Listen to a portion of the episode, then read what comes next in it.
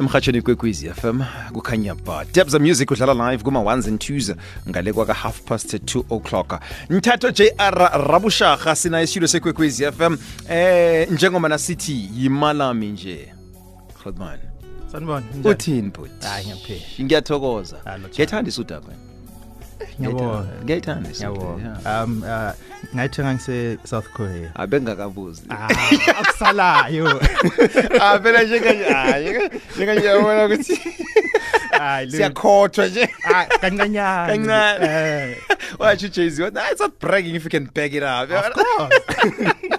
no ngiyathokoza ukuthi uzesitudio sekwekwezi fm Nah, sijabule kakhulu ukuba la Yeah. sikhuluma nabalaleli sikhulume nabalaleli i-tax season njenganje tax season isikhathi esini sokubhadala manje. bathi kunezinto embili engeze sazibalekele empilweni kukufa ne-tax aha angeze sizibalekele lezo ungabaleka i-tax kusala bazokuthola no no no no, nangapha ibaleka njani ngoba enye nenye into iyathexwa i-vat i-tax form of tax so-ke siyayibhadala i-tax uthanda ungathandi so angeze uyibalekele so-ke um la kodwana-ke le sikhuluma ngayo namhlanje i-tax ehlukileko-ke le yeah um bekune i-article enye uh, eyabhalwa last week Yeah. eh, bebakhuluma ne-the new sars commissioner Yeah. Ah, akhuluma ngokuthi abantu ababhadala ah, ama-tax we-property Yeah. ufike ukuthi la baselokishi nasemakhaya ama-property wabo ah, kakhulu abawadisclose ukuthi Okay. mina ngithola u-300 or 1000 a month kule property Okay. isars ithi labo bantu sebayabalanda manje i-article ithi the taxman is coming for your rent so thina la kwa-worth cash note into esikhuluma ukuthi i-tax kumele uyibhadale as a law abiding citizen of south africa Number. kumele nje uyazi ukuthi akhona nama-tax breaks azokunceda so ungayibalekeli i-tax sifundise ukuthi isebenza kanjani Yeah. ukuze naye ikwazi ukukusebenzela kodwana a- a- asithome emvapha asithome emva yenapha sikhuluma um nge-property tax la Yeah. Si- sikhuluma ngayiphi i-tax asithome lapho sikhuluma ng- ngomhlobo muphi we-tax um it's income tax income tax sure yeah so un unless if utheng uma uthengisa indlu yakho Yep. leyo hlala kuyo your residential property Yep. imali ozoyenza bayibiza ngo-capital gains tax Yeah. ma uthengisa indlu Yeah. if le ndlu leyo it's your primary residence uthi bengihlala la Yeah. 2 million and below awubhadali tax Okay. you just declare awubhadali lu Eh, eh, la- na uyithengisa nge-2 million nangaphasi Yeah. ingasi ingasiwo ukuthi wena nawayithenga nge-2 million nangaphasi Ah. uyithengisa nge-2 million thengisa ngo-2 million Yeah. right usafe 2 million and 1 rand hey bayeza balekela le one rand one rand imali Yeah, kodwa namhlanje yeah. esokhuluma eh, ngayo kakhulu yile income tax from i-rental okay uneproperty awuhlali kuyo ufake abantu so uh, i- into abakhuluma ngayo ukuthi am- ama-township kakhulukhulu inkinga ukuthi uh, unendlu wakha ama-room emuva akwazeki ukuthi wakha ama-room ucollecta leyo mali esandleni it's informal uh, uh, market fana noma ukuthi uyadayisa estradeni bazokulanda kanjani bathi awubhadali i-tax abazi manje i-sars ithi sebathole indlela okay le bazoyenza ukuthi bakwazi ukuthi bakuthole and ubhadale bathi ba- basebenzisana ne i-deeds office ukuthi mhlambe wena udeclare ukuthi une property eyodwa kodwa i-deeds office ithi unama property amabili le enye ihlala ubani and ukubhadala malini so kancane kancane bona bazokuthola Ah, yazi ngathi ba-personal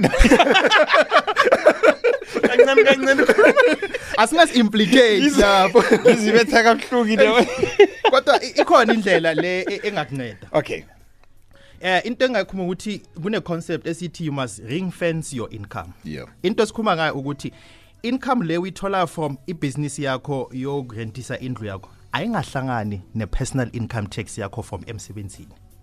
Example ukuthi mhlambe la ikwekwezi babhadala u100000 per month. ine year 1.2 million i-tax yakho izoba boma 50% ku-right Yeah. manje mase uthi le mali leyo ithola kwi-property let's say i-property ikwenzele 2 million that year yeah ma uyi-add i- i- ikususa kule tax bracket leyo kuyo Oh, yeah. ikulahlela le phezulu Oh, yeah. ngoba babheka total tax leyo uyitholile abanandawo ukuthi le yaseyikwekwezi le i-property le. kodwana siyihlukanisa njani so ma uyi-ring fencer two ways urejista ikampani okay ibhizinisi yakho imali oyitholayo ingena ebusiness account yekhampani ayihlangani ne-personal income yakho or urejistara i-trust imali engenayo iya kwi account ye trust ukuthi uyazi ukuthi makuyi company maximum i28% i corporate tax if wenza i500000 and above mawenza below that iyayehla iyayehla iyayehla kodwa ayihlanganiswa ne-income tax eyakho that's why sithi uyayirinfensa so uyivalela laphaya ingayingeni emalini zakho so kungenzeka ukuthi kunabantu aba a- angeke sithi ku-overtaxwa um kodwana-ke kunabantu abathexwa imali engale kwale kufanele bathexwe yona ngombana uh, bahl- i- i- ngithini i- i- i-rental income ingena ihlangane no- nomrholo wabo yeah so-ke nakuvela ku-sars uvela umuntu ungenise 100,000 mhlawumbe ngonyaka kanti i-100 000 leyo um, mhlawumbe i-100 000 ngoba angeke angeke ubhadale i-income tax asenze se- 700 000 kanti ku-700 000 leyo uthola ukuthi kune- kune-300 000 ebe yi- yi- yi-rental income so kugcina ubhadela ekubeni bongayibalekela okay as- asingathi kuyibalekela as- as- asiphula umthetho la asiyeke asiyeke le asiphula umthetho la kodwana-ke bengingaba nendlela zokuthi uyihlalise kuhle imali le Inga- ungatexwa yona Yeah. ihlanganiswe ne- ne- ne- Ah. ne-income ne ingakho kumele wenze i-tax planning and understand ukuthi i-tax isebenza kanjani if if ungumuntu and ufuna ukuphila kamnandi la emhlabeni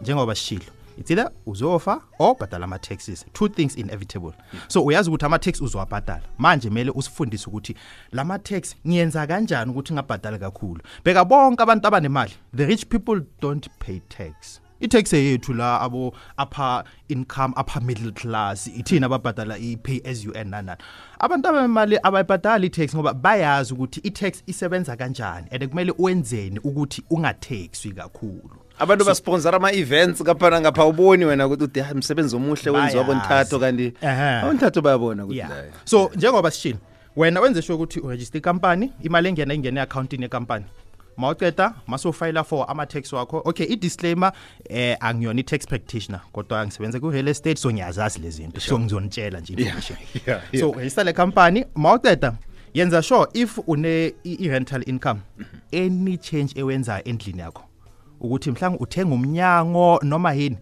beka ama-receipt beka sikhuluma yonke nge- into nge-property er-, oyirentisako le. i-property rent isayo beka wonke ama-receipt ngoba leyo i-counter Expenses, njengama-expenses yeah. yeah Yeah. so mase u-check-a ama remember as i just to give i- i-history Yeah. after the great depression leaders of the world bahlangana bathi i-economy crashile siyenza kanjani ukuthi lento le ingabuyi futhi bathi no asenze ukuthi abantu babhadale ama-tax as the last thing so that imali ikhona ukuseculator Sure. so then kunethemba bathi ebitda earnings before Or inca- yeah, uh, uh, earnings. interest uh, taxes Tax, yeah. depreciation Yeah. and amortization Yeah, yeah, yeah. so mawubheke le- leyo ebitda i- i-tax yakho uyibhadala as the last item on that so kusho ukuthi if une-interest ewuyibhadalayo kwibhanki if unama-costs our incare on your property mawuzobhadala i-tax uyasusa konke lokhu Hmm.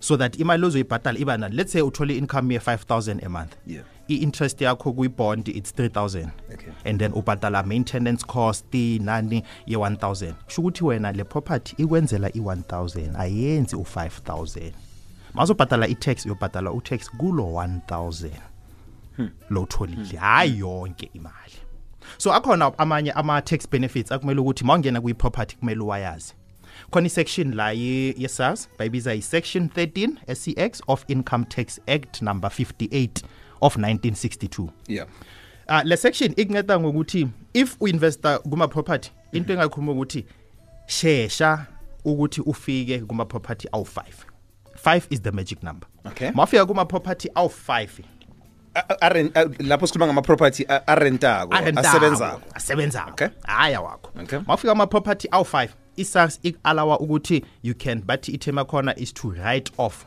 your costs so by by that ngisho ukuthi itheme engikhulume ngayo ngithi EBITDA earnings before interest tax Yeah, uh, yeah. and uh, depreciation and amortization Yep. so njengoba ngikhulumile ukuthi the last item ewibhadala lapho i tax Yeah. so kuma cost wakho if ama property wakho awu5 Mhm. akwenzele i i-100000 a month akwenzele i-100000 kulungile ukwathenga wathenge nge-1 million Okay. ama-property wakho awu-5 Yeah. i-sars iku-alawa ukuthi uwadepreciate nge-5 percent every year until ufika ku-zero the depreciation term isho ukuthi ama-property wakho ayo Uti- uti- i-technical ne but ngizama ukuye- yeah udepreciator yini I-asset. depreciator ngoba i-asset iya-appreciate as far as- yeah so in terms of encwadini Okay. uyayidepreciate Okay. in real terms yona iyaappreciata in value Alright. so encwadini mawuthenga amaproperty wakho awu-5 nge-1 million Okay. ahlangene Yeah. bathi wadepreciata ngo-5 percent every year so kusho ukuthi mawungena kule item ye-depreciation ukhipha u-5 percent we-1 million every year Mm-hmm. kwi-income ewuyitholayo so 50,000. every year ukhipha u-50 000 so if in a year No, i- eh, wenze in any case 50000 and bese ke iya iya yeah iya so change if in a njalo. year lama property akwenzele 100000 Okay. mawuya kusasa uyofayila ikalawa ukuthi udepreciate i50000 so kule 100000 ukhipha u50 mawuyofayila ufayila for le 50 esele so mabakucharge i-tax bazokucharge i-tax from i-income ye-50000 Uyangish- uyangishiya uyangishiya ntathu um a- asibuyele lapha i-5 percent le um i- i- i-sars ikupha i- uyakhona ukuthi u- udepreciate nge-5 percent yeah depreciate i-property asithi imillion Yeah. thenga nge-million rands now idepreciate nge-5 percent eminyakeni wokuthoma i-50 000 leyo yebo then bese ke so let's say kulo nyaka yeah i-income yakho i-revenue yeah from lama property okay u-100000 all right unyaka uphelile manje uthi sengifayila for ama-tax wami your total revenue was 100000 yeah. so mawufayila for ama-tax if ungafikanga kula ma-property awu-5 uzothi i-income yami u-100000 ngifayila for 100000 bakucharge i-tax for 100000 Okay. but because unama-property awu-5 ufaka le item ye-depreciation uzothi la ma-property wami bekwayi-million ngidepreciate nge-5 percent i-50 000 so kwi-income yami ye-100 000 ngikhipha u-50 000 before ngiyofayila mm. so ma ngifayila sengifayila for 50 000 Hmm. Oh, yeah. angifayili for For 100 000 Oh, yeah. Oh, so that's the tax benefit esikhuluma ngayo oh yeah now n- nawukhuluma ngama-property ayi-5 ama-property amahlanu um, yeah asi asi asiyicomplicate ngaboma siyihlangahlanganise Mhm. ngaboma nangumuntu unama unama room unamakamura orentisako Mhm. makamura la 10 asejardin elilodwa yi-property eyodwa leyo property yodwa kodwana ke asithathe ukuthi ngabomu uthethe uthenge ijardi likhulu nali wakha izindlu zabayi-5 ngaphakathi ah angayidivida adivide ama-section Okay. awasubmithe ku-municipality Oh, Hmm. i-address izimele so uzoba nama-address awu-5 kulungile oh yeah yeah so kumele a-aplaye kumasipala athi no na ijadi lami u-1000 square meter ngudivida ngama-200 square meter awu-5 awa-aplaye ama-address a-different maceda athi nginama-property awu-5 and yiwo akhona awu-5 uyaqualify mm. and and umasipala ngaleso sikhathi urizonile wavuma nokuthi um a- a- istandi lesi asisasingaka Yeah. Mm-hmm. istandi asisasiyi-500 square meters sekuyi-200 Yeah. square meters Yeah. ngendlela obawe ngayo le. yeah lokho kutshengisa ukuthi kuningi okhona musa ama-benefits amaningi um esingawaziko thina maningi mhlawumbe nenza ukuthi sigcine sesingasa- sing- singasatholi lokho kusifaneleko yeah ngokuthi asizwisisi nongo- nokuthi asifuni ilwazi mhlawumbe e- elinabileko um ngazi into ezifana nazo lezi tax benefits um ama-property investors ukhulume nge-section 13 Yeah. of income tax act number 58 of 1962 bese ke kunani ngaphasi kwayo ngile ngile cede ukuyikhulumisa um kunani kodwa ngaphasi kwayo um manje if usu- usubhadala ama-tax wakho ucedile Yeah. u- uinvestile kuma-property sizobheka ama-property investment strategies la khona ngoba ufice ukuthi abantu abafuna uinvesta kuma-property abazi ukuthi bazongena kanjani benza kanjani kunama-strategy la khona Yeah. and kumele ukuthi uwa-understand before ungena uthi se- sengizongena manje ngi-investa kuma-property wami Okay. khona enye i-concept bayibiza ngokuthi it's other people's money opm leyo ngizothi in, in my understanding ngibizwa ngokuthi it's power in numbers sibiza ngokuthi we are borrowing from each other so in power in numbers la e-south africa sibiza ngokuthi i-stockfel izinto ezibiza ngabo uh, property stockfel okay so i-concept yakhona isebenza ngokuthi uno 10000 ufuna uku-investa kwi-property nami ngine-10000 kodwa i-property esi- esiyifunayo yi-100000 instead of mina ngithathe lo 10000 ngiyifake as i-deposit ngiyothatha i-loan ye-90000 kwibhanki ngibhadale i-interest sihlangana siba u-10 okay wonke umuntu une-10000 yakhe sine-100000 100000 yethu masinjalo sithenga le property sonke sinama-shares 10 percent 10 percent 10 percent Sure. ngiboleke u-90000 kini ngiba u-9 kodwa ngibhadali u-interest hmm ngiseva kanjalo Hmm. nawe uboleke u90000 kithi sonke mawungabheka ama stats athi eSouth Africa 11 million yabantu basave u44 billion kuma stockfell every year makushawa uDecember ama stockfell wethu ane 44 billion by January ane zero ngoba siya consumer sithengile utshwala sithenga ama groceries sithenge yonke into so manje mele sibheke ukuthi i- i concept ye stockfell iyasebenza eSouth Africa ene siyayazi ene siya understand eyethu ibuya kude sisebenzisa kanjani ukusuka from i savings to investment kula singena khona la kwa wealth cash network sihlangane sithi si property crowd funding Okay. okay. group so sihlanganisa imali siyayibeka ukusuka ku 250 a month 250 500 1005 up to 2000 sihlanganisa imali bese sithenga istand siyakha siyorentisa if une portion yakho yi 10% i rental income ebuya lapho uyayithola Proportionally, 10% yakhona. kuhle, kuhle. proportion kodwa Yeah, yeah. but yona i- into emnandi ngayo what's different about it from wonke ama investment platforms akhona in, in most cases angeke ngikhulume a- amagama kodwa niyazi usave imali yakho Mhm. and then after 5 years bakutshela ukuthi wenze 5% Yep. and then kuphelela lapho Yep. kodwa lama investment companies mawudlula la uye sentini ufitha ukuthi babhaliwe ukuthi this building eyakhiwa proudly sponsored by XYZ company leyo company ila ubeka imali yakho khona hmm. so imali yakho bayayithatha basponsor leyo bhilide kodwa awu own lutho hmm. uthola nje amashares wakho hmm. thina sithi asilethe le mali sihlanganise sithenga iproperty le mali yakho i-investment portfolio yakho sidivide into three sections your monthly contribution so every month uthi mina ngikhipha u-500 Okay. so so every month siyazi ukuthi uno-500 at the end of the year uno-6000 wakho so your investment portfolio the first leg yakhona uno-6000 qedile Sure. the bese sithi masithenga i- i-property ngale mali le wayibeka iya into two phases one it's the value of the property siyakhile ngo-100000 masiqeda ukuyakha ubuna 10 percent yakhona Yeah.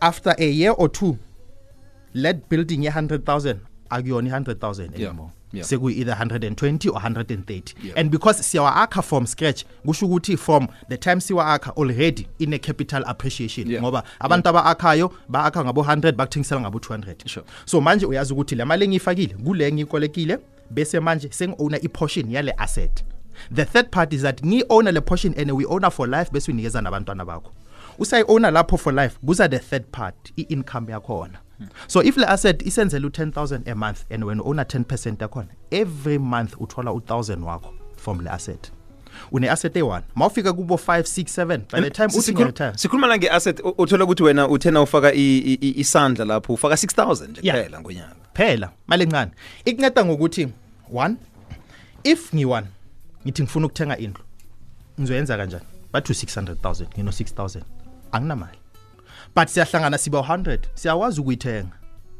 so ikunikeza i-access to ukuthenga i-property but not just i-access isho ukuthi wena i-property portfolio yakho izokhula and izokhula fast because every year lo 6000 wakho uthenga indlu eyi-one after 10 years umuntu ongena ayedwa athi mina ngifuna ukwenza lento le ngiyi-one usabhadala ibhondi yakhe yale property ayithenga ayedwa kodwa wena ngoba uthe i want to come ngiyenze as a group after 10 years unama-property awu-15 20 because of the power in numbers noma ukuthi lo angathi le ngi-owna 100 percent ngiyi-one thina sithi u-owna 10 percent in each of them into ekusiza ukuthi if five of ama-property wethu awayenzi imali sometimes ma urentisa abantu abarentisi bazokutshela ukuthi a month or two awenzi imali awuna-tenant awunani ikunceda ngokuthi la ma-property la manye awunawo akufakela imali so it diversifies i-risk yakho ifana noma ungathi u-investa kuma-shares Sure. kunabo-s n p Sure. 500 Yeah. nani nani if amakampani awu-two angayenzi kahle la awu-20 A-offset aperforma lokho kwenza kahle ngokunye. they offset Yeah, yeah. so that's the concept that we use wow isikhathi sethu sinani 20 minutes wakhiphelile ngaleyo ndlela Cabanga. madoda. 20 minutes Kanjalo iphelile. nje. nejalo nje mntathu sikuthola njani wena uh, ngangithola kutwitter it's at ntato underscore j n 2 a 20 underscore j a y kufacebook ntato j r rabushaha okanye awewebsayithi yethu www wcn group co za kunemali kuhle kuhle ekuzwisiseni ama-tax angithi ekuzwisiseni i-property kusebenza njani ne-tax ekuhamba ne-property ja thathu um kodwana ungangicali ngale ndlela Ufuna upersonalize izinto la hayi luthi luthi luthi but ngithokozile mina hayi Ah, no ngiyathokoza sokhuluma kodwa ngokuzakwa Awuka- awukagcini namhlanje khe satsho nango nekuthomeni okhasatsho sathi Yeah. usazo- usazokuze eh, esitudio sekwekwezi f m um uzokuba mningi esitudio sekwekwezi la kusekhaya ngidinga nje i-access card cela ngikhulume ne-management thokozilene thato Yabona. shababa nithatho rabosharha besinayo isitulo sekwekwezi fm sikhuluma ngomvuzo khona nemali ongayenza ngokuthi uzwisise amalungelo nembopho nazo wena njengomnini impahla naziza ku-tax half past two Good